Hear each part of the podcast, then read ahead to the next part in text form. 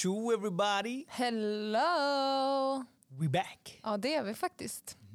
Det här är eh, första avsnittet fast det är inte det. Ni fick ju höra ett förra veckan som var lite... Det fick ni. Mm. Hur, känns det, hur känns det efter det liksom? Apropå det som hände. Vad var det som hände? Det finns dina första hatkommentarer. Yep. Så jag ska bara, jag, låt mig ta fram här. Ja. Så jag har fått, eh, vi har fått eh, en lyssnare har då skrivit in till oss. ja.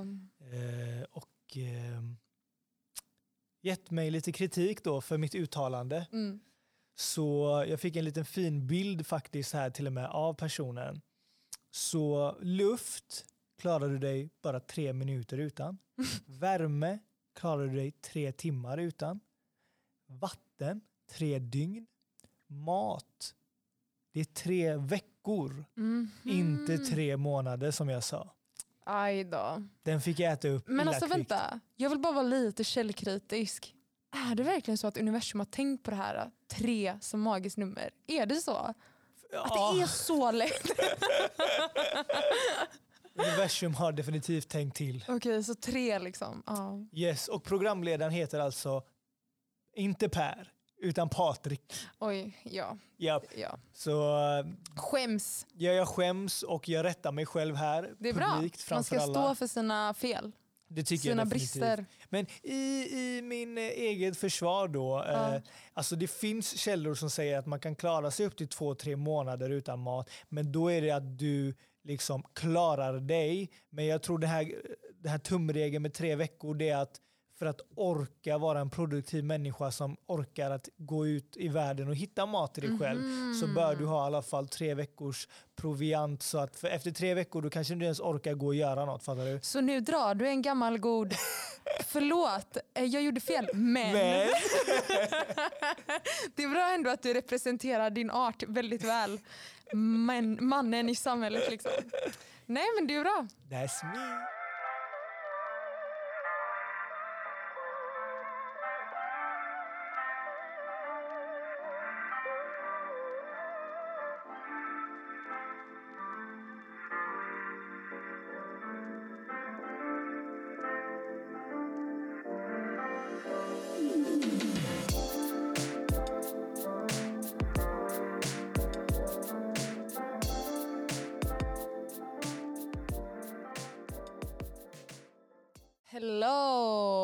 Hoppas ni eh, har lyssnat på det senaste avsnittet som inte är så senast kanske. Mm. Eller jo, det är ju se, det senaste som släppt men det var lite gammalt.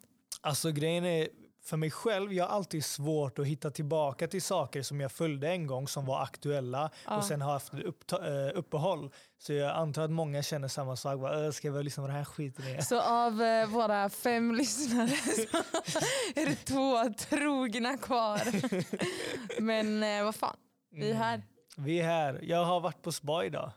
Alltså, Ja, helt fantastiskt. berätta. Nej, men jag, Jaha, nu fattar jag. Jag kopplade inte. usch. Nej, jag har fått lite syr, syrkräm, vad heter det? Alltså, ja, syra.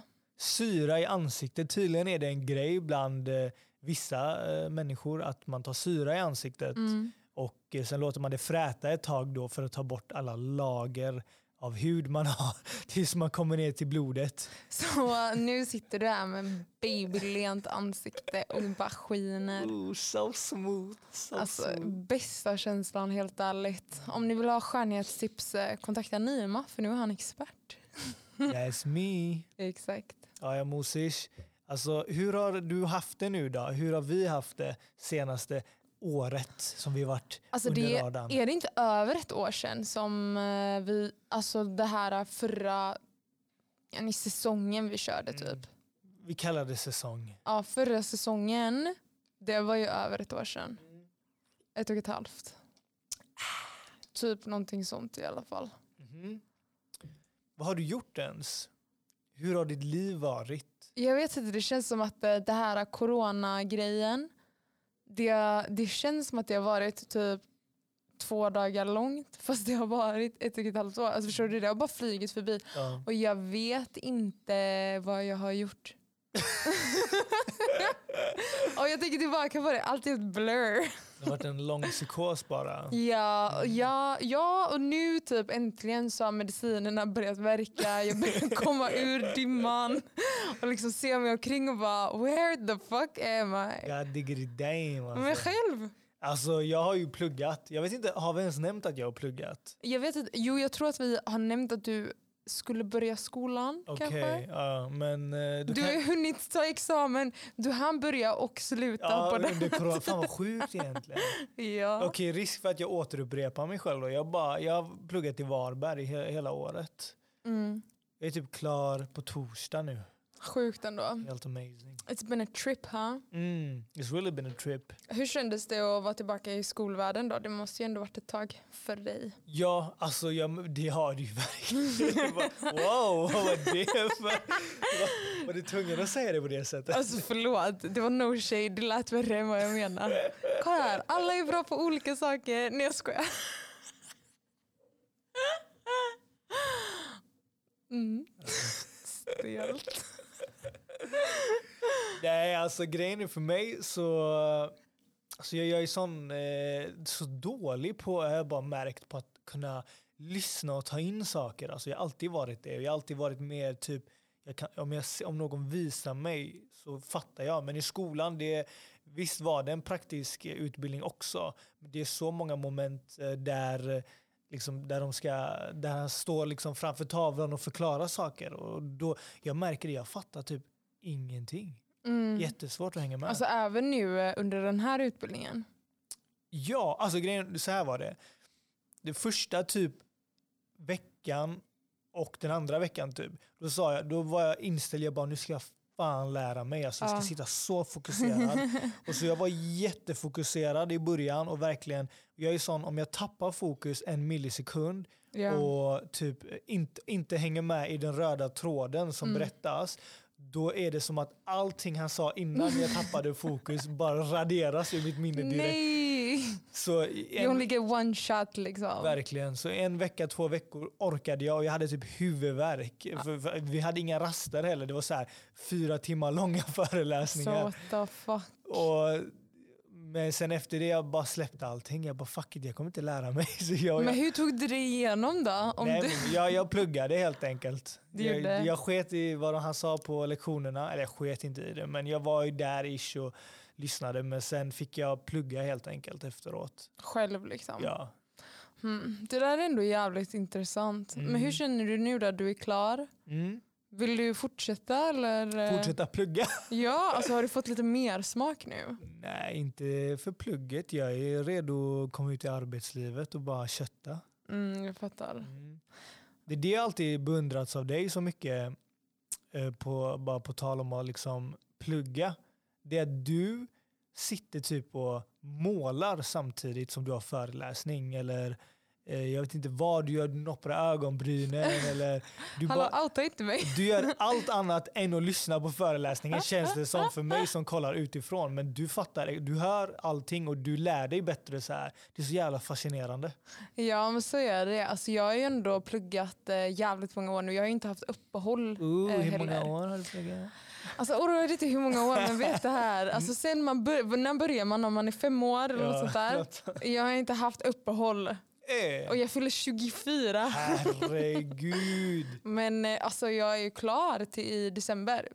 Ja, så Mm. att, eh, det blir min första eh, uppehåll någonsin. Fan Men ja, sjukt. så att det, min poäng är att jag har ju liksom hunnit skaffa mig eh, lite utav rutiner Mm. kring hur man ska göra för att hantera det. Och en av mina grejer är verkligen så att jag har insett att jag är också jävligt dålig på att eh, koncentrera mig. Alltså Mm. helt ärligt, jag tror det är en jätteliten majoritet som kan sitta och bara lyssna och Mm. förstå. Alltså, Ja. De flesta de behöver typ göra någonting. Typ anteckna samtidigt. eller något Exakt, liknande. ja. Du, jag tror de flesta gör det. Men det är det som mindfuckar mig. Ja, jag fattar den här grejen med anteckna. Jag kan vara likadan, kanske Mm. skriva stödord och sånt. Men jag hinner inte anteckna ordentligt för att då tappar jag fokus från vad han säger. Mm. Men du, du gör inget av det.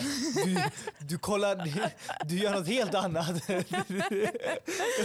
Ja, alltså jag är aldrig så produktiv som när jag har föreläsning. Alltså jag städar, jag tvättar, jag målar. Jag har alltid så här välmanikerade naglar efteråt. Men, ja, det är den. Men det är för att jag, alltså det är så skönt typ, för att det känns som att eh, hjärnan jag tror att jag har en släng av någon slags diagnos, jag vet inte vad, ADHD kanske. Eller ADD eller någonting. Mm. Så det känns som att min hjärna den har massa, massa vägar som går samtidigt. Okej. Och om jag kan distrahera några av de vägarna Mm. så sker det på automatik. Alltså det, jag lägger inte någon fokus på det. Alltså till exempel om jag Ah. sitter och målar, då bara distraherar jag en del av min hjärnkapacitet så att jag inte flummar bort på What det the jag faktiskt vill Det koncentrera mig på. Vilket är. Nej, men alltså, typ om jag vill förstå vad läraren säger då kan jag inte sitta och bara titta på honom Mm. och försöka förstå för då kommer jag tänka på tusen miljoner andra grejer. Ja. För att min hjärna bara skriker typ. Men jag tror det är för den här, vi kommer ju från den här generationen som måste ha input hela Ja, tiden i hjärnan. Precis. Du vet, om jag, om jag liksom bara inte gör någonting Mm. då försvinner jag typ. Alltså jag exploderar i mitt huvud. Men det är ju det, alltså, vi måste ju ha input men samtidigt så är våra attention spans har ju förkortats till en TikTok-video. men, men ändå så har du någonting i dig från den förra generationen där du, där du liksom du har fortfarande det här hederliga, kan fokusera, kan lyssna och lära mig liksom. Den här skiten. Ja kanske. Har det alltid varit sån? Har, det, har du någon gång, eller har du haft det svårt tidigare med att plugga någon gång i ditt liv och lärt dig hur du ska lära dig eller är det bara naturligt? Nej, jag har typ alltid gjort så. Eh, men jag vet att i vissa ämnen så har det här inte fungerat. Mm. Alltså till exempel i matematik eller fysik. De ämnena när jag läste dem i grundskolan men också jag läste ju något år på högskolan också där det var mycket matematik framförallt. Mhm. Eh, och då märkte jag att det funkar inte därför att eh, man måste titta på vad läraren gör. Mm. När de skriver formler, vet, sådana grejer. På, Yeah. på det som jag läser nu som är mer så här samhällsvetenskapligt då behöver jag inte titta, alltså det enda är att lyssna. Yeah. Eh, men där var man tvungen att titta och då, då kan jag inte göra något annat samtidigt så då måste jag ju sitta och titta och då förstår jag ingenting. Alltså Mm. för att jag, ja, jag hänger, hänger inte med. Ah, Jag kan inte anteckna samtidigt därför att det hjälper inte. Det måste vara något helt annat. Typ. Så det är därför så här, ja, matte och fysik så det funkar inte för mig. Men jag hade en jättebra lärare Mm. eh, under eh, gym, ja, gymnasiet. Shoutout Staffan. Shoutout till Staffan om du lyssnar där Alltså ute. jag lovar, han är anledningen till att jag sitter här idag. Alltså, Alltså på riktigt han var skitduktig för han var en sån lärare som eh, han kunde anpassa sin eh, utbildning efter eleven. Så alltså, han var teknik, fysik, matematiklärare och också vara mentor så det kanske var därför han typ fick lite extra så här, empati för sina elever. Men det var jag och eh, en annan tjej. Alltså, vi, han märkte väl att vi var duktiga därför att jag literally hade A i exakt allt annat Ja. förutom mina F i matte och det sån här. Så då förstod han väl att det är väl inte min kapacitet det är fel på. Det är någonting som, som inte fungerar i utbytet av information. fan vad intressant och fan vad värdefullt ändå. Alltså egenskap som lärare att kunna se varje elevs individuella behov. Ja men snälla, det, alltså, det där är enda anledningen till att det går bra för folk. sjukt. Jag lovar det, det är vilken lärare de har Ja, haft. exakt, exakt. Har du haft en lärare som uppmuntrar dig? Till exempel, alltså tänk dig den här killen, han gjorde muntligt prov till mig i matematik. Oh. Alltså vem känner du eller som, som får göra så? Ja, det är den ingen. Nej. Alltså, och jag fick F i nationella proven därför att nationella proven är nationella precis, proven. precis. Men han gjorde nationell, ett eget nationellt prov för mig, eh, muntligt. Mm. Och jag klarade det så jag blev ändå, alltså jag fick se.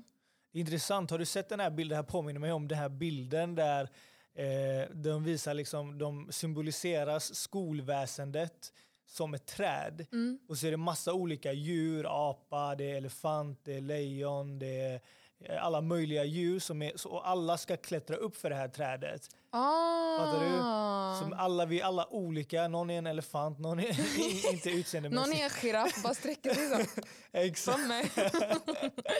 och, och alla ska göra samma task. Mm. Men här är ett jävligt fint exempel på hur han gick ur sin väg för att hjälpa. För att lyfta den här flodhästen alltså, grej, för att nå.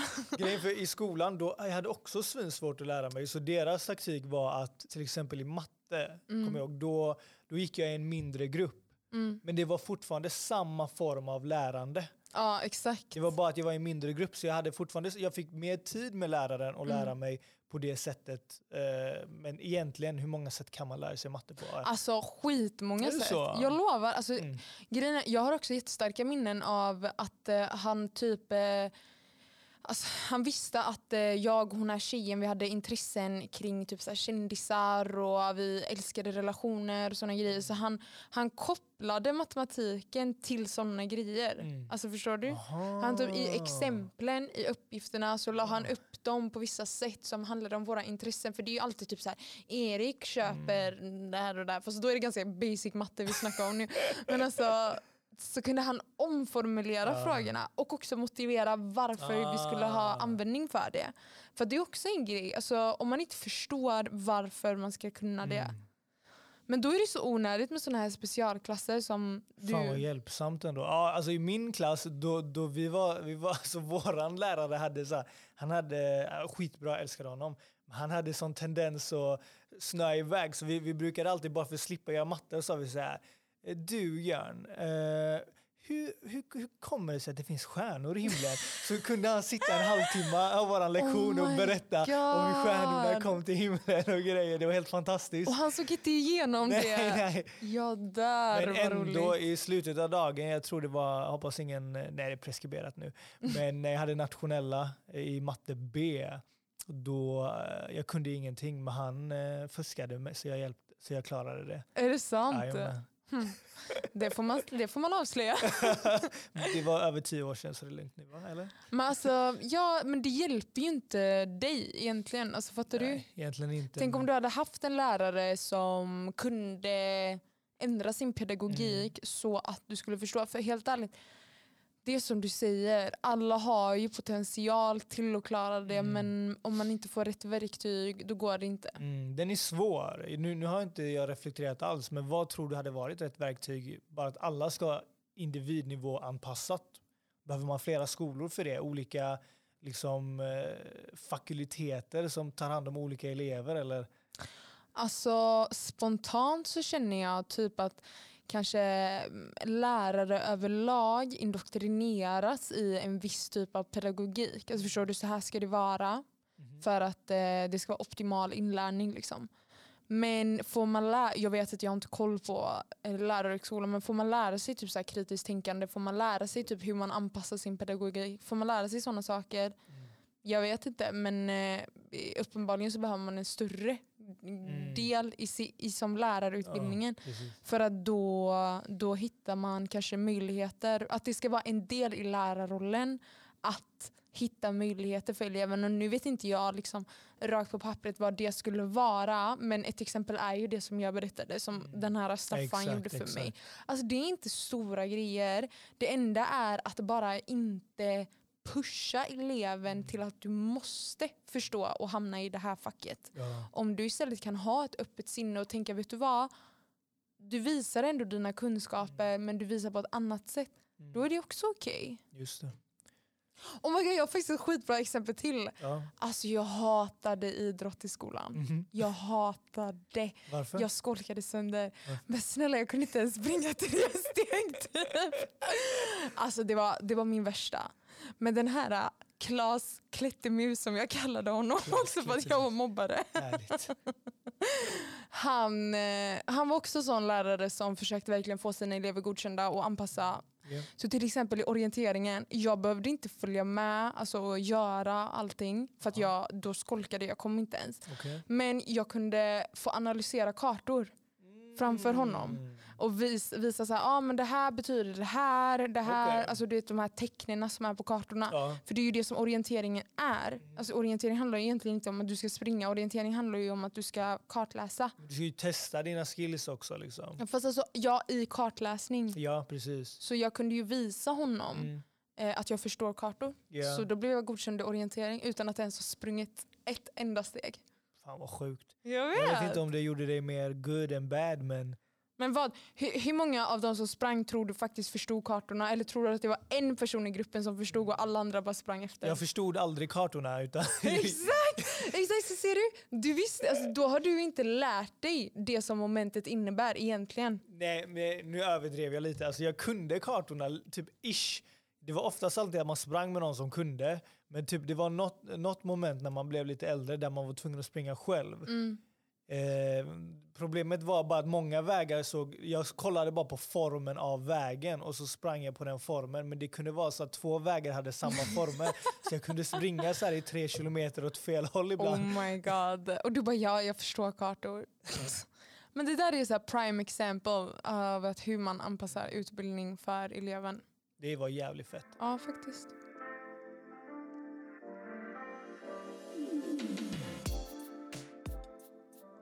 Så jag har ju pluggat. Du har pluggat. Alla vet det nu.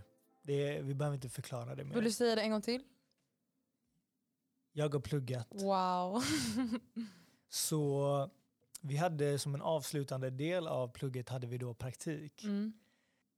Jag lyckades inte hitta en praktikplats och många andra lyckades inte heller. Ehm, Mycket på grund av corona för att det var svinmånga tog bara inte emot folk. Liksom. Ja, det är också en sån bransch som blir väldigt utsatt va? Ja, men det är ju det. Det är ju mycket så här, eh, speciellt typ inom public service och Mm. liknande, eh, där de hade verkligen noll, noll tolerans, kan man kalla det? Nej, de hade i alla fall inga praktikanter alls. Noll. Ja. Medan kanske mindre företag kunde ta emot och det var jättemånga i klassen som hittade faktiskt. Eh, men eh, inte jag och ett gäng andra. Så min praktik landade under sommaren då, Mm. utanför den aktuella skoltiden. Mm. Och eh, då var inte det CSN-berättigat. Så jag gick, basically hade jag ett heltidsjobb hela sommaren där jag inte fick några pengar. Mm. Och jag har fortfarande hyra att betala, mat att Fy betala. allt fan där. vilken stress. I samma veva under det här då, då hade jag, jag hade jättestort hundintresse. jag hade, du vet mest av alla vilket jävla vilket hål jag hade grävt ner mig i. Och bara, Men så är det ju med dig. Du, du, du hittar liksom en, ett ny intresse och sen så ska du liksom bli, typ just nu så här, det vad heter den här? muscle up. Muscle up, jag lovar det, är ditt nya intresse. Alltså om ni vill veta någonting kring liksom taktik eller teknik eller vilken muskelgrupp du måste öva så just nu för att någonsin kunna göra en muscle up. Fråga Nima just nu för han är i det hålet. Han kan allt. Så var det med hundarna också. Okej. I alla fall, jag kan allting om hundar nu men jag kommer aldrig skaffa en hund. Nej, jag skojar bara. I alla fall så jag hade ett stort hundintresse och eh, jag hade inget jobb. Så jag tänkte, vet du vad?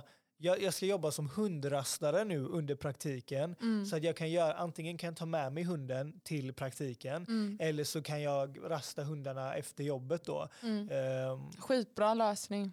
Ja, helt okej lösning faktiskt. Mm. Så då, då helt enkelt fick vi, då blev det så att vi fick en hund. Eller det var en, en person som hörde av sig till mig. Mm. Eh, och det var en American Bully. Okej. De hörde av sig och sa vi ska åka iväg tre veckor, eh, det här och det här datumet. Eh, kan du tänka dig att vara en kompis till våran hund under den här Du tiden? bara yes. Och jag som vill skaffa en eh, större hund i fram ville då skaffa en större hund i framtiden. Tänkte Alltså wow. American Bully, de är fina. De är fina. Jag är också taggad för att alltså, eh, just den rasen verkar väldigt eh, mysig, familjehund, Mm. trevlig. Ja, alltså den är ju typ bred för att ha lite intimidation factor men samtidigt är den bred för att kunna vara eh, den mest snällaste, mjukaste Mm. och eh, barnvänligaste hunden. Gull. eh, Svinnice, jag var svintaggad, Moa var också svintaggad. Vi alltså preppade jättelänge, gick och, vi Ja. gick och snackade om det och så vidare. Dagen kom i alla fall. Då hade vi ju träffat dem en Då gång hade vi tidigare. träffat dem en gång och det hade varit ett helt okej möte. Liksom. Det, var Alltså det var bara på en parkering så man bara hej hej. Det var en typ så. kort tid och det, det vi gjorde var att visa vår lägenhet egentligen så det var inte så mycket fokus på hunden just. Nej. Av det man kunde se där och då var att hunden har problem att gå i koppel. Mm. Och det var inte så konstigt med tanke på att Han var ung. han var, han, alltså han var ju två år dock så han har ju kommit ur den här fasen lite men han var ouppfostrad, han hade inte lärt sig att gå i koppel. Mm. Eh, Det känns typ som att majoriteten av hundar man ser är så här, du vet, lite dragiga och så. mm. Så det, det oroade inte mig. Nej alls. men precis. Det, det, det är ett beteende man kan ändå liksom, man kan arbeta bort det Mm. relativt enkelt med lite, liksom, om man bara är bestämd och gör det ordentligt. Så om vi spolar fram till dagen då vi verkligen ska få hunden och när eh, det är dags liksom för oss Ja. att ha hunden i tre veckor. Vi är svintaggade, alla är taggade. Eh, De, han ska lämna av hunden, han bara... I förbifarten skrattar han lite och säger bara... Han brukar skrika till lite när han ser andra hundar, men det är lugnt. Jag brukar aldrig låta han gå fram till hunden. Ändå. Han är en riktigt så här god göteborgare också, så Ja. han säger inte så. Han säger så här.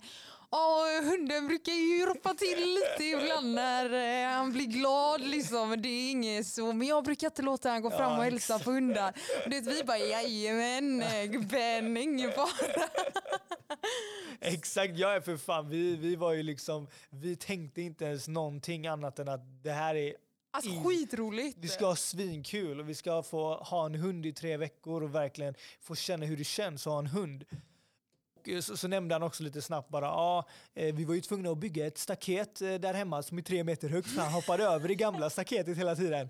Och så bara, okej. Och vi bara haha. Skratta till men det lite. var ju härligt. Liksom. Ja, vi ska ändå inte släppa ut hunden på, vi har ingen bakgård att släppa ut Nej, hunden så nej. det spelar oss ingen roll. I alla fall, så det första vi gjorde var att vi tog en väldigt lång promenad med hunden direkt bara för att den ska lära känna oss, vi ska lära känna den och vi, det ska liksom, vi ska bygga ett litet band där då. Eh, vi började direkt med eh, koppelträning, Mm. vi körde med godis och det kändes ganska bra. Alltså, visst, han drog ganska mycket. Eh, han, är, han var väldigt stark var han. Men jag tycker att han förstod konceptet väldigt snabbt och vi kunde ändå få en flow och få en känsla av att Men jag märkte att han hade någonstans. lite issues därför att till exempel när jag gick förväg mm, så stressade han väldigt mycket över det. ja men precis, det är ju en hund som inte har, någon har satt några regler för han Mm. så därför sätter han sina egna regler lite. Mm. Och det, var, det var ju lite det vi kände också samtidigt som att han var responsive och Mm. han ville gärna plisa så gott han kunde så Mm. gott han visste hur han skulle göra det också. Ja, så vi la upp värsta gameplanen. Ah, vi ska träna på det här sättet, vi ska göra det på det sättet. Mm. Så att, eh, det var inget så man kände sig orolig inför. Nej, precis. Och vi gick i alla fall på den här promenaden och vid ett tillfälle så såg vi en annan hund eh, lite längre ifrån. Mm. Jag såg det, jag sa till Moa, be han att sitta och eh, liksom hålla hans fokus. Hunden kom.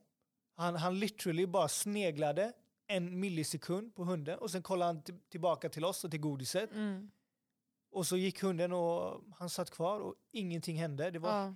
alltså vi bara wow, fan vad han överdrev när han sa att hunden, alltså det här är ju fan ingenting. ju." ja, verkligen. Det kändes bra. För jag har, sett hund, jag har ju haft hundar förut alltså Ja. i min närhet som har lungeat mot eh, andra hundar när de går förbi. Mm. Så det var lite det jag var inställd på. Men jag, bara, alltså jag blev verkligen så här ännu mer taggad. Ja, och i alla fall senare så vi var på vår jättelånga promenad. Det var nice, vi kom hem. Vi märkte när vi var hemma att han var väldigt, väldigt hyper på något sätt. Ja, stressad typ. Han kunde inte sitta still. Mm, svårt att sitta still. Men eh, det kanske inte var så konstigt ändå med tanke på att hans ägare precis hade lämnat honom. Ja, det var första gången han var hemma hos oss också väl? ja precis. Så att allting var nytt och så. Exakt. Mm. Chillade ner, sen vi satt vid tvn, vi chillade, vi hade det lugnt och gött. Så det var inga problem. Han var ju verkligen super, han var finaste hunden när vi var inomhus. I alla fall, eh, sen senare på dagen så skulle vi dra och hjälpa en polare att flytta. Just det. Eh, så vi hade med oss eh, hunden dit också, Aston. Och eh, hur chill som helst, jättefin med nya människor. Allting var frid och fröjd. Vi ska åka hem. Vi kommer till garaget, vi har ett sånt, eh, vad ska man säga? Ett Underjordisk garage. typ. underjordiskt garage ja, med burar och så. Så vi kommer till garaget, vi parkerar. Vi märker där och då att han är lite stressad Alltså nu. men det känns som att så fort jag öppnade bildörren och Mm. han liksom var där i det här instängda utrymmet för det är ju typ inga fönster, ingenting, det är bara Nej. betong liksom. Bara skitmycket Då, kissdoft. ja, då, då var det som att han switchade och så blev jag skitstressad helt plötsligt. Ja. Så jag bara så här, hallå vad är det som händer liksom? Exakt. Han blev väldigt så här, du stissig. Väldigt stissig och vi var, vi, var inte beredda på det. Nej, inte alls. Och det var typ nästan som att han hade fått nys om någonting. Ja, exakt. Och jag försökte typ några knep jag hade kollat men det blev typ bara värre kändes Mm. det. Han blev ännu mer stressad. Ja, det Eh, blev han verkligen. Men i alla fall, vi, vi gick eh, så fort vi kunde mot utgången. Vi tänkte att det kanske var utrymmet som gjorde honom stressad. Ja. Öppna garagedörren med en sån här blipp så den liksom... Jajamän, så liksom en port som så här öppnas så här långsamt, långsamt. Och den här porten öppnas. Och så står det en annan hund där. Och en hel familj. Det här är vad vi hör.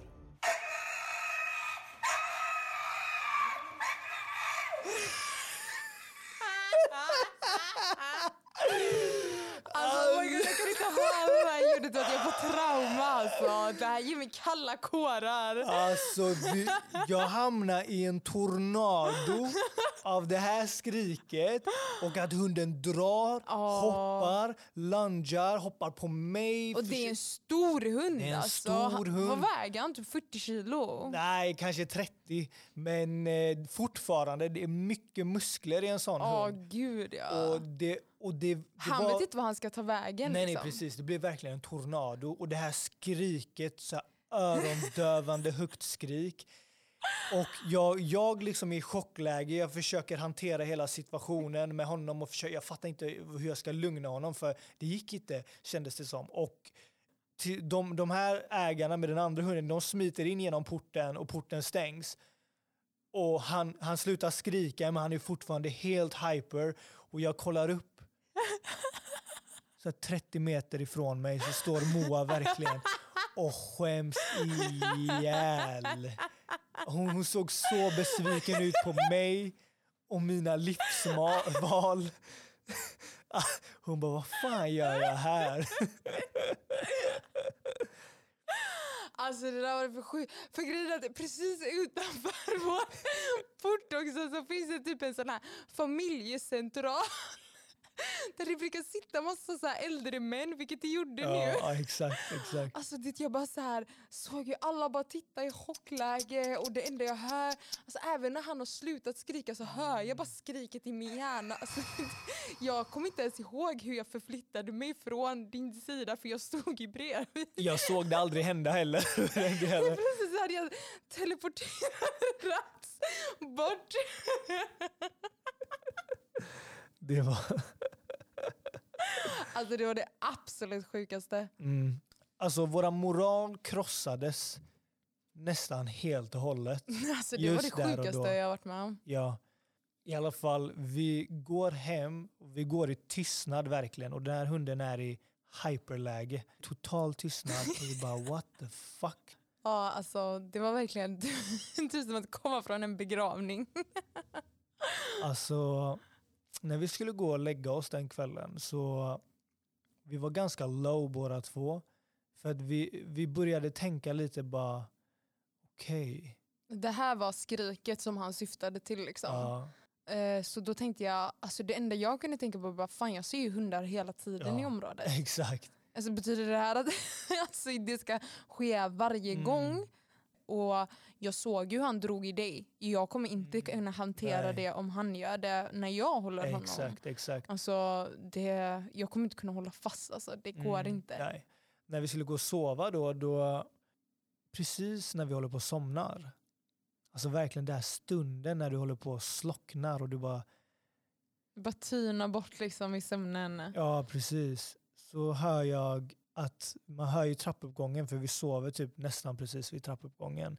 Eh, vårt rum ligger där och så hör jag en dörr smällas igen och Aston, den här hunden, reser sig upp och håller lungorna av sig.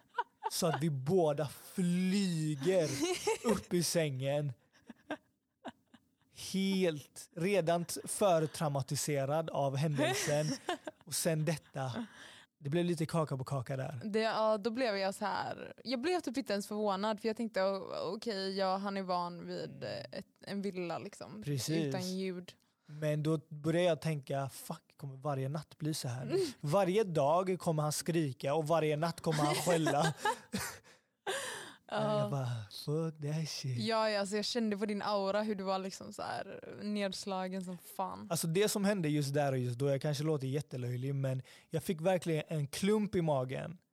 Och den försvann inte den här klumpen. Den här klumpen satt som ett magsår i min mage Mm. hela natten. Och på morgonen när jag vaknade så var den där för att välkomna mig. så det jag gjorde var dagen efter, jag bara jag ska vakna extra tidigt. Rasta honom när det är inga hundar ute, Mm. 05.30. Och inte bara rasta, alltså träna Ja, ja, så, att han, blir får, trött. Precis, så han blir trött. Så jag gick ut. Jag hann bokstavligt talat gå 200 meter från våran lägenhet. Kommandes tvärs över gångbanan är en hare. Och så hör jag det igen. Alltså klockan fucking sex på morgonen fastnar jag i en tornado Alltså fy fan. igen av det där. Jag bara fuck, inte bara hundar utan allting som har ben och rör sig förutom människor. Alltså oh my god. Så jag fastnar igen i den här, det här stadiet där han fastnar i jaktläge verkligen och är jätteryckig, Mm. jätteintensiv. Inget kan bryta hans Inget eh, bryter- fokus. Precis. Liksom. Ingen bryter det fokuset. Den gnutta moral som jag kanske hade, den var gone. Nej. Den var, jag bara, fuck mig. Vad har, jag, vad har jag signat upp mig på i Ja. tre veckor? Så jag började gå, jag tänkte egentligen gå en slinga, vi har en slinga längs Lärjeån, eh, jävligt fint naturområde. Jag tänkte egentligen gå dit. Så jag gick mot det hållet men så på vägen började jag tänka jag bara, ja men det kommer ju vara hur mycket djur som helst inne i skogen. ja. Så jag bara, vi kommer inte kunna ha en härlig promenad. Det kommer vara helt eh, twisted. Så det finns ett litet industriområde där det är en raksträcka typ emellan. ligger en skola på vänster sida och en typ betongfabrik på höger sida. Så det är liksom, finns inte utrymme för att djur eller någonting går där. Så jag bara gick på den här sträckan som är kanske 500 meter lång. Bara fram och tillbaka i säkert en halvtimme. Bara fram, tillbaka, fram, Fy tillbaka. fan. Alltså folk som såg mig den morgonen, det var inte många som var vakna då, men de som såg mig, de bara what the fuck De is he såg doing? eh, tårar strila ner med dina kinder. Fy fan alltså. I alla fall, det jag gjorde var att jag gick hem, jag hämtade mina grejer, jag drog till skolan. Alltså under skolan, allting var hur nice som helst. Mm. Alltså det var en helt annan hund. Han träffade alltså minst tio olika människor Mm. Han var i ett jättestort utrymme där det finns ömtåliga grejer och han var hur bra som helst. Chillade, han var inte jobbig mot någon. Han liksom gick fram till random människor, han hälsade. Sen gick han tillbaka till mig och chillade vid mig. Det Mm. var det han gjorde. Mm. Han var hur bra som helst på det. Är det Och- så att din moral höjdes lite där? Egentligen eh, lite, nej, jag, jag byggde upp moralen för jag visste okej, då vi, vi var lite med på att ah, de hade sagt han är lugn inomhus. Så jag, jag, hade, jag förväntade mig lite att han skulle vara bra inomhus. Mm. Skit i skolan, det var hur bra som helst. Vi åker hem. Jag har, jag har under dagen då byggt upp en ny moral. Jag har smsat Moa. Eh, Jag har sagt du, vet vad, vi skiter i det här. Vi säger att vi, måste, vi inte kan ha hunden. Hon bara nej, det är lugnt, vi löser det. Jag bara, ja, men alltså, vi får träna med honom, vi Ja. får liksom koppelträna och, du vet, och så vidare. Så det är Mm. inte så illa, vi Mm. kan göra det här, vi har ju signat upp oss. Ja, exakt. Alltså problemet var att jag hade inte kunnat äta någonting på hela dagen. Jag hade köpt, jag var hungrig, jag hade köpt grejer att äta, men jag hade inte kunnat fysiskt få i mig de grejerna. Mm. Så jag hade ju det här magsåret som bara, jag kunde inte göra någonting, jag, kunde inte, jag mådde svindåligt. Åker hem, parkerar på baksidan av mitt hus. Jag går ur bilen, så ser jag en man gå med sin hund eh, en bit bort. Så jag tänker, okej men jag låter hunden, jag låter Aston vara kvar i bilen. Mm. Så eh, han, han, han ser ju inte hunden ändå. Men det är det jag tycker är så fascinerande med hundar. Alltså de verkligen känner, alltså folk säger hundar känner din energi. Ja. Och där märkte jag verkligen att han känner min energi. Ja, ja. Han vet att jag är lite nervös över någonting. Så när, jag väl, när hunden har gått och allt det där och jag tar ut han, då, då ligger, det ligger en man på gräsmattan och pratar i telefon. Han vet inte varför min energi är weird, men direkt så kollar han på den mannen och lungar mot honom och skäller svinhögt. Och den här mannen ligger och chillar i gräsmattan, och det är soligt och han bara flyger upp Oh my god. I sin plats. Och det var så skämmigt. Jag var tvungen att ordna upp den situationen. Jag bad om ursäkt. Jag tror inte ens jag bad om ursäkt mannen. Jag bara, för jag blev, hur mycket moral jag hade byggt upp hela dagen, allting bara wow, okej, okay, så detta kan hända med människor också. Jag bara wow.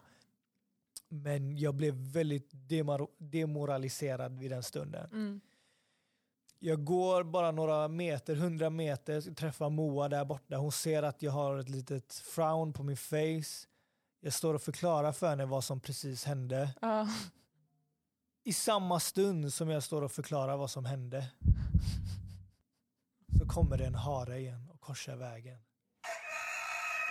Och återigen jag fastnar i en tornado av pyretter och jag vet inte, han kör judo, han kör MMA, han försöker Ja. göra allt.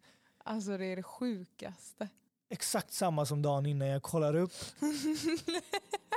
Moa står fem miljarder meter bort och skäms. Hon är besviken. Hon undrar vad fan hon gör här.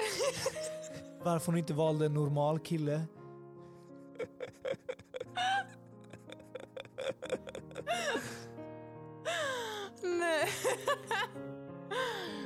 Alltså det var... Jag ville, jag ville vara en supportive girlfriend. Alltså kolla här. Helt ärligt, jag försökte verkligen. Det där var min överlevnadsinstinkt som kickade in. Jag kunde inte kontrollera mig själv. Sheesh, ja, då vet man vad du kommer göra i kniviga situationer. Men så det... Nej men alltså helt ärligt så jag, förs jag försökte ju också typ så här, ge dig lite input, jag försökte så här, ah, han känner av din energi, Mm. han vet att du är stressad och du bara tittade Ja. på mig med den här dödsblicken typ bara så här, som att jag inte vet det här. Det var det, alltså jag, jag kunde inte, som, på samma sätt du säger att du inte kunde kontrollera dig i den situationen, jag kunde inte kontrollera och bara känna mig helt slagen. Ja och stressad. Stressad bara över hela... Alltså visst om man hade bara dragit och blivit lite vild, mm. men det där skriket var så... Det var som demoner från helvetet. Det öppnades en portal och demoner från helvetet skrek igenom portalen in i våran värld. Och jag blev bara helt ch- chockad varje gång. Ja, ja, ja, ja. Alltså det var, jag har aldrig hört något liknande, det var helt sjukt. Alltså, och sen så tittar jag på dig och du, eh, alltså en egenskap som jag uppskattar med dig är ju verkligen typ att du är så jättehandlingskraftig och stark och typ alltså väldigt lugn som person. Men så bara tittar jag på dig och jag bara, alltså jag har aldrig sett en så nedslagen människa. Du tittar på mig med frågetecken i blicken. ja, typ. ja. Alltså det var som att jag bara, ingen av oss har någon aning om vad vi ska göra. och båda är jätterädda, Ja. jätteförvirrade, jätte, alltså bara allt så här är helt upp och ner. Mm. Och det är så här, jag tittar på dig, du tittar på mig. båda bara, "Eh, rädda mig. Ja, verkligen. Alltså jag ville bara ha något svar från henne. Jag ville bara att hon skulle säga skicka hem den här jävla hunden. Men du sa aldrig det. Så, så vi, vi tänkte, vi, jag bara, vi måste gå en promenad med honom. Och, men så började vi gå några meter, jag bara kände att eh, du, du, du kändes, alltså vi, det kändes som att vi höll på att bråka, typ att hela vår relation höll på att falla isär. Båda hade sovit svindåligt.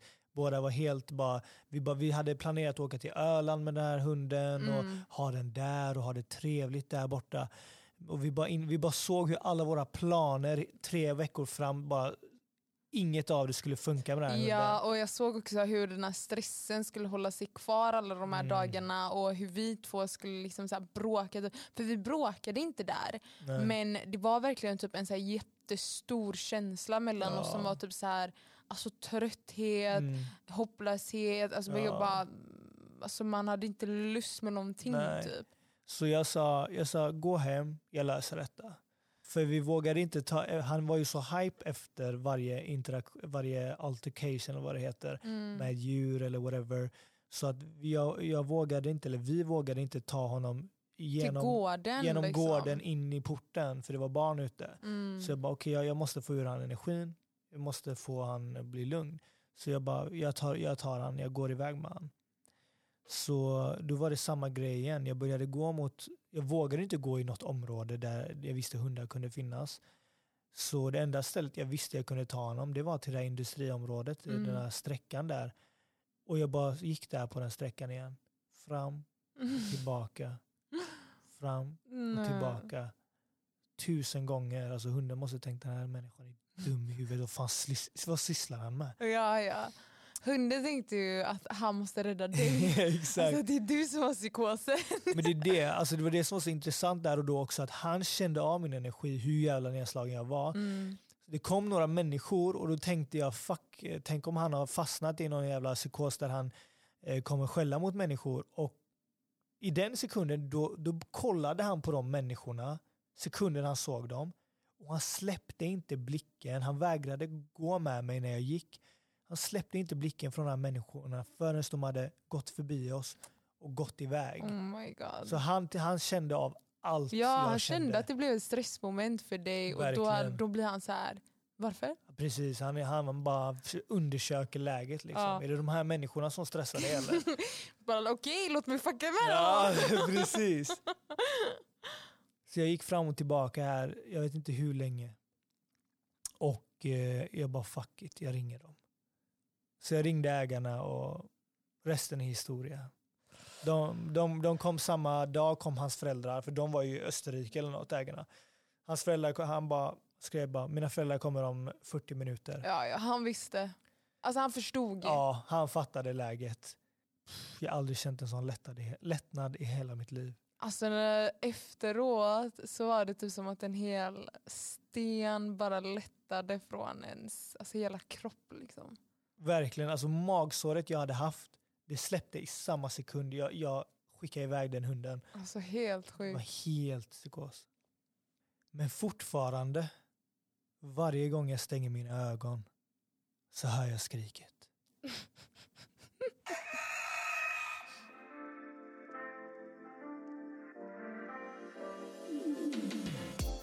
Mosi, fan vad respektlös. Sluta sitta med din lur. Men jag sitter och swipar. Vadå swipar? The fuck? Tinder? Nej, jag har ju laddat ner den här appen för vänner. Tinder fast för vänner. Finns det? Ja, det finns. Fast det är bara för tjejer så... Aha. Mm. Inte för dig. Du får skaffa den här... What the hell? eh, vad heter den här appen? Grindr? Ja. Är det- är det också för killar. vänner? Ja, jag har laddat ner den. Nej, men den här är faktiskt för vänner. Okej. Alltså den är utformad typ som basically Tinder, man har sin egen profil och sen så... Men skitsamma, det är inte appen som är det viktigaste. Det är mitt behov. Vänta lite, det är ett behov bland kvinnor att ha kvinnliga vänner eller så man måste swipa på det? Eller jag fattar inte. Nej, alltså det är bara så här, jag har typ fått en känsla nu på senare, kanske, alltså egentligen typ kanske senaste eh, två åren. Aha. Eh, att jag bara så här, jag har ett behov av mer vänner i Ja. mitt liv. Okej. Alltså jag har, jag har vänner och när man säger så, jag har vänner så, så låter det som att man inte har vänner. Jag är Men- inte galen. men jag har vänner men jag är sån här, du vet, eh, några få vänskaper som man har haft hela livet. Alltså typ, Ja, Mina vänner det är sådana vänner som jag har känt i eh, 15 år typ. yeah. Jag har inga nya vänner. Okej. Eh, och eh, alltså det typ, det har uppkommit en känsla hos mig, Mm. alltså verkligen att jag eh, vill ha mer vänner. Yeah. Men samtidigt så har jag utvecklat en extrem social fobi. så det här går liksom inte ihop. Bästa kombinationen. Ja. Jag vet, alltså det här typ jag, ja, låt oss säga jag pratar med en tjej Ja. och bara ah, vi bör ses bla bla bla. Mm. Eller typ att jag hörde av sig en gammal vän till mig Ja. eh, som ville ses. Och jag bara, min första instinkt är så här, ah vad kul ja. Och sen så bara, nej. Nej, nej, nej, nej, nej, nej, nej, nej. Det här går inte. Jag, jag är inte bra på att hålla sociala interaktioner. Jag tycker det är jobbigt, det är bara stressmoment. Varför ska jag utsätta mig för det? Och sen så är det ändå typ en så röst inom mig som bara, jag vill ha vänner. Alltså jag tycker det är så intressant för jag ser inte dig alls som den här Alltså den här, inte incel är ju fel ord. Incel är väl verkligen fel.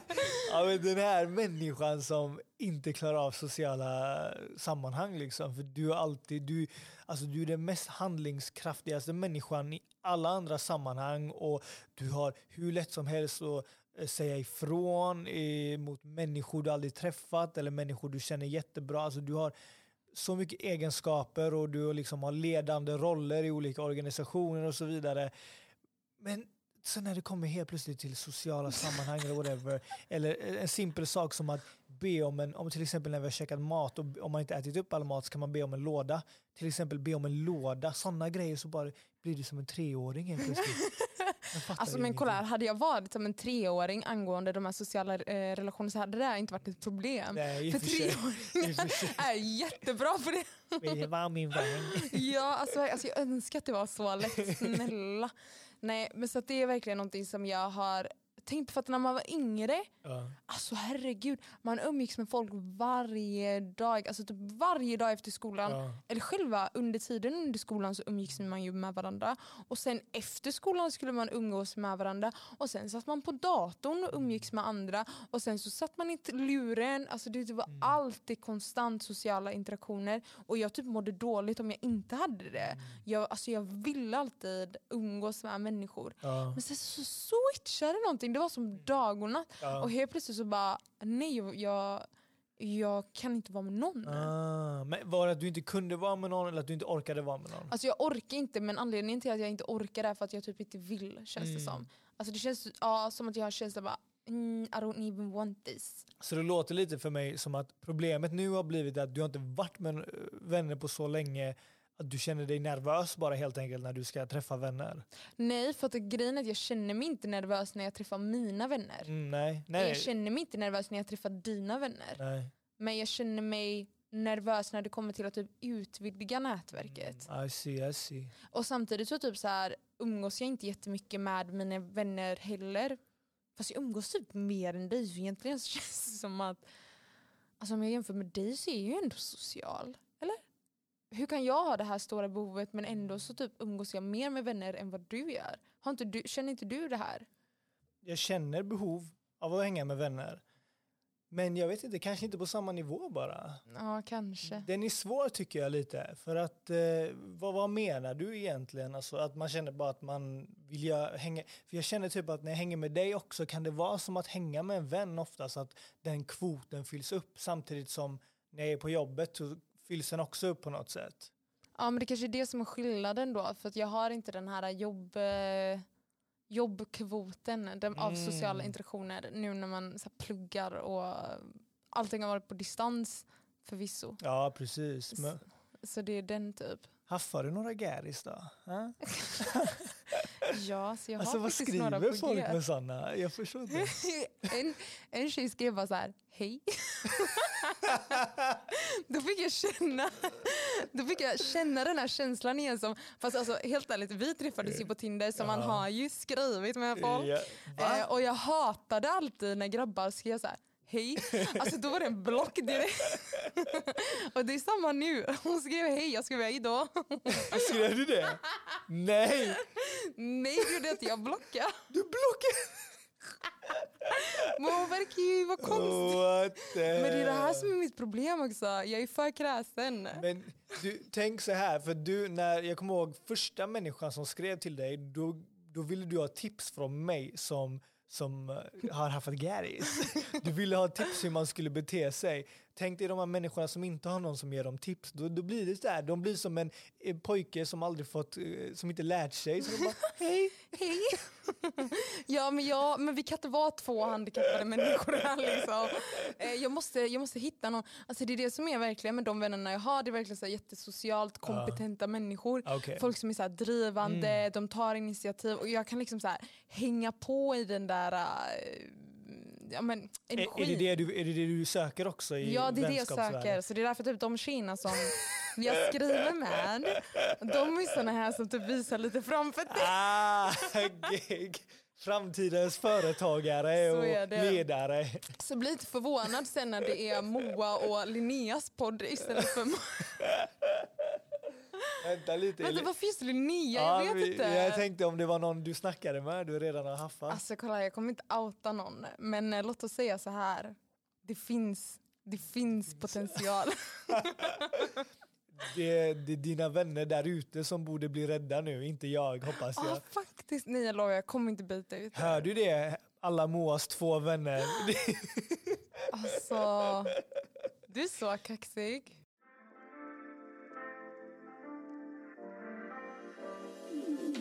Nu kommer vi till vårt efterlängtade segment. Och det är... cringe eller crunch. Yay! Så...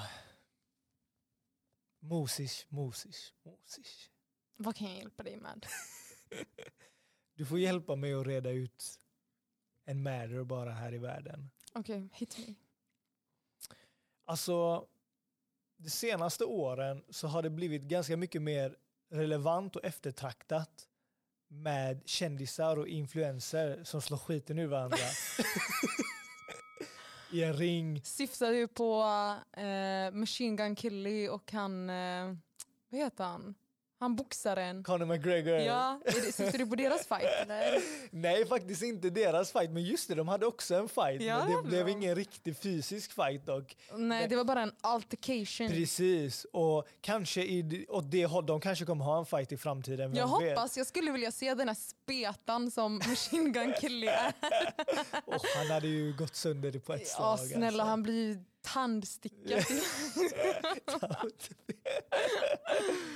I alla fall, alltså detta har ju hållit på länge, ända sedan 1994 typ. Alltså det var ett väldigt specifikt år. Med, jag var tvungen att googla det. Men det har blivit mer större och mer populärt och insatserna har bara blivit högre och högre i den här världen. Oj! Så eh, till exempel det senaste som var typ det största ever och kanske det mest välbetalda någonsin av kändisfighter. Eh, det var Mayweather. Mm. Alltså den mest, eh, den högst betalade, eh, nu är han, eh, vad heter det? Han har gått i pension. Mm. Men det, han var den mest beta- hö- högst betalade boxaren på sin tid. Mm, okay. Han mötte då den här Logan Paul, den här just youtubern det, som den är, här tönten. han är så här 25 år. Och de Han förtjänade helt ärligt talat en riktig beating. Men det var det, det var det jag tyckte var synd, för han möter ju en kille som är kanske 15 centimeter kortare och väger 20 kilo mindre. Så det blev aldrig någon riktig beating, det var det jag ville. Jag ville att han skulle få riktigt kok med Men vadå, har de redan slått? De har redan slagits, det är redan över. Och det blev, eh, det blev eh, lika sa de. Skämtar du? Nej, jag skämtar inte. Hmm. I alla fall. Och det nya nu då. Det har till och med tagit sig hela vägen till lilla, lilla Sverige. Vem kunde tro lilla Sverige som härmar allt USA gör, att vi härmar den här skiten också? Yay! Va? Vet du vilka jag pratar om? Berätta. Victor de Almeida och Joakim Lamotte Oh! ska ge varandra stryk. Alltså gud, är det här en ny nivå på 40-årskris? Det här är en helt annan nivå. Alltså jag trodde det var så här, du vet, ja, man färgar håret, man köper en dyr bil, man ser upp sin fru. Men nej okej, vi, ska, vi ska gå dit alltså. Säger upp sin fru. Man säger hej då liksom. Bye Felicia. Så det som är lite roligt här det är att det är ingen boxningsmatch utan det är en thai-boxningsmatch. Ah. Det är ben, jag vet inte, nej de kommer inte armbågar och sånt för det är D-klass. Eller var det C-klass? Jag kommer inte ihåg. Skitsamma. Så våran vän Victor de Almeida, många känner honom för han är YouTube-host, han är terapeut, han är en podcaster. Eh, han, Han är också typ den, den, den, den, den, den sämsta personen att hålla liksom typ, alltså för att, eh, hans grej, jag vet inte om ni har sett hans YouTube, men alltså förlåt. jag låt tar avstånd från allt du säger. Låt oss säga så här. Han är uppenbarligen inte en journalist. Alltså jag, jag tycker att, jag har sett eh, intervjuer där han är dålig, men jag har sett intervjuer där han är jättebra. Eh, så jag, jag är mer på det positiva. Jag tror bara att du nu. först såg dem där han var riktigt dålig, så när han typ var något bättre, du bara ah, han är jättebra, för din ribba var så låg. Men jag vill inte ha stryk av den killen så jag kommer inte yttra mig mer härifrån. okej? I alla fall, han är alltid där och lite till. eh, håller eh, showen dialogiskt. Jävligt bra show, jag gillar han har med sig. Han har ju liksom... Eh, Jag skulle inte rekommendera. vad fint. Alltså, det är det som är så nice med honom, han intervjuar alla på hela spektrat. Alltså från det mest kriminella till det mest Ja, men jag, alltså, jag liksom. tycker att det är ett jätteroligt koncept. ja. Är det, ska vi ha en debatt om honom nu eller? Jag Alltså, okej, jag tycker han har ett jättekul koncept men han själv är jättedålig på att vara värd. Han är jättedålig på att fördela ord, han är jättedålig på att liksom, så här, äh, följdfrågor och grejer. Så det är därför jag inte kan titta på det här programmet för att jag blir skitfrustrerad. Så jag tar avstånd då från allting. Jag står för det jag säger mannen. Kom och möt mig i ringen. Next up. Hoppas han inte har en Gary som är så här 100 kilo och har nävar av stål. I alla fall. Eh, sen har vi våran vän, inte våran vän, vi har Jo det är min vän. min vän Joakim Lamotte. Oh, Han är journalist, samhällsdebattör och den föreläsare. här killen är inte journalist heller. Han är frilans. Han, är, han har en mobil och han är ute och filmar Ja, sig själv. han har en åsikt, det är en annan grej.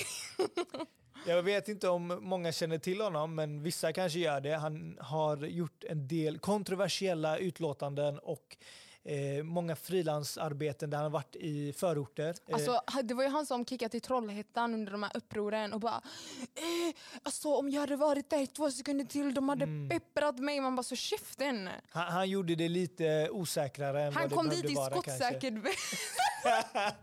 Just det, var någon debatt i tv han hade skottsäker väst Ja, också. Wow. Alltså ser du den här killen, han är inte Okej. journalist. Han är, han är vet du det, opinionsbildare. Mm. Ja. Han är bra på PR i alla fall. Ja det, det kan jag ge honom Det faktiskt. kan vi ge honom. Så vi har i alla fall kommit till det stadiet här i Sverige där eh, influencers och folk som är med eh, och har åsikter ska slåss mot varandra. I det här specifika fallet, vilket det kanske inte har varit i USA, det är att nu är det två åsiktskorridorer som ska slåss mot varandra. Men jag vill veta vad svenska folket tycker. Jag är inne på hans Facebook nu. Okej. Lamotte. Här, eh, under den här bilden då som eh, han har lagt upp på eh, så skriver en man. Grymt! Alla andra journalister bara snackar medan du levererar. Okej vänta. Okej nästa. Coolt! Det hade jag ingen aning om. Att du var en krigare på flera fronter. Grymt positivt och föredömligt. Blir du politiker så har du min röst. Åh herregud. Här kommer den som faktiskt är lite mer kritisk. Ja. Sorry, men jag tror inte ens att du har en liten chans mot Almeida. Alltså det är så, folk tror Så inte det. det. Så Alltså det. grejen är att Almeida säger att han inte eh, har gått någon kampsport alls medan Lamotte, jag ser han på varje thaiboxningsgala jag varit på har jag sett Jag har honom. också sett honom på thaiboxningsgala ja, ja, faktiskt. vi såg han tillsammans till och med sist. han, har, eh, han har intresse liksom. Han har Det säger ju tränat en också del. va? Han känner la folk inom vissa klubbar, förmodligen det är därför han är där. Men det verkar ändå som att eh, folk eh, tycker det här är en rolig grej. Ja, alltså det är ju en rolig grej på ett sätt. Jag blir nästan lite taggad. Men min fråga till dig nu, alla de här hårt arbetande proffs som tränar dag in och dag ut Du menar inom kampsport? inom kampsport. Ja. Är det cringe eller crunch att de här jävla lousy åsiktskorridorerna och de här bara tratt, Opinions... eh, opinionsbildarna och tratthattarna kommer och bara tar deras jobb och deras hype och bara förlöjligar hela yrket. Alltså jag fick faktiskt höra att de fick typ 200 000 var för den här matchen. Det är, alltså jag har en polare som är proffs. Han får inte ens en tiondel av det där. Det där är sjukt alltså. Nej, alltså för mig ska jag ge en sån här verdict om vad jag tycker. Det är en riktig fucking cringe alltså. Cringe. Men inte, helt ärligt inte för att det där med att ah, de steppar över på en annan lane, eh, tar över deras. Alltså bara för att det är så fucking djuriskt. Alltså man går tillbaka som att vi är tillbaka till fucking stenåldern och lever i grottor Om man ska lösa problem på det här sättet. Alltså vad fan, vad vill du, vad händer sen? Alltså vet du vad, jag hade tyckt att det var intressant om det var så här. Den som förlorar, den ska hålla käft resten av livet. Oh. Den får inte göra ett enda fucking Facebook-inlägg eller en enda YouTube-klipp. Då absolut, gör er grej. Alltså vet du vad, jag kommer stå först på plats och betta. Men nu, alltså vad är grejen? Jag fattar inte. Det finns inget. Ni ska ha hjälmar på er också mannen. Det är inte ens roligt.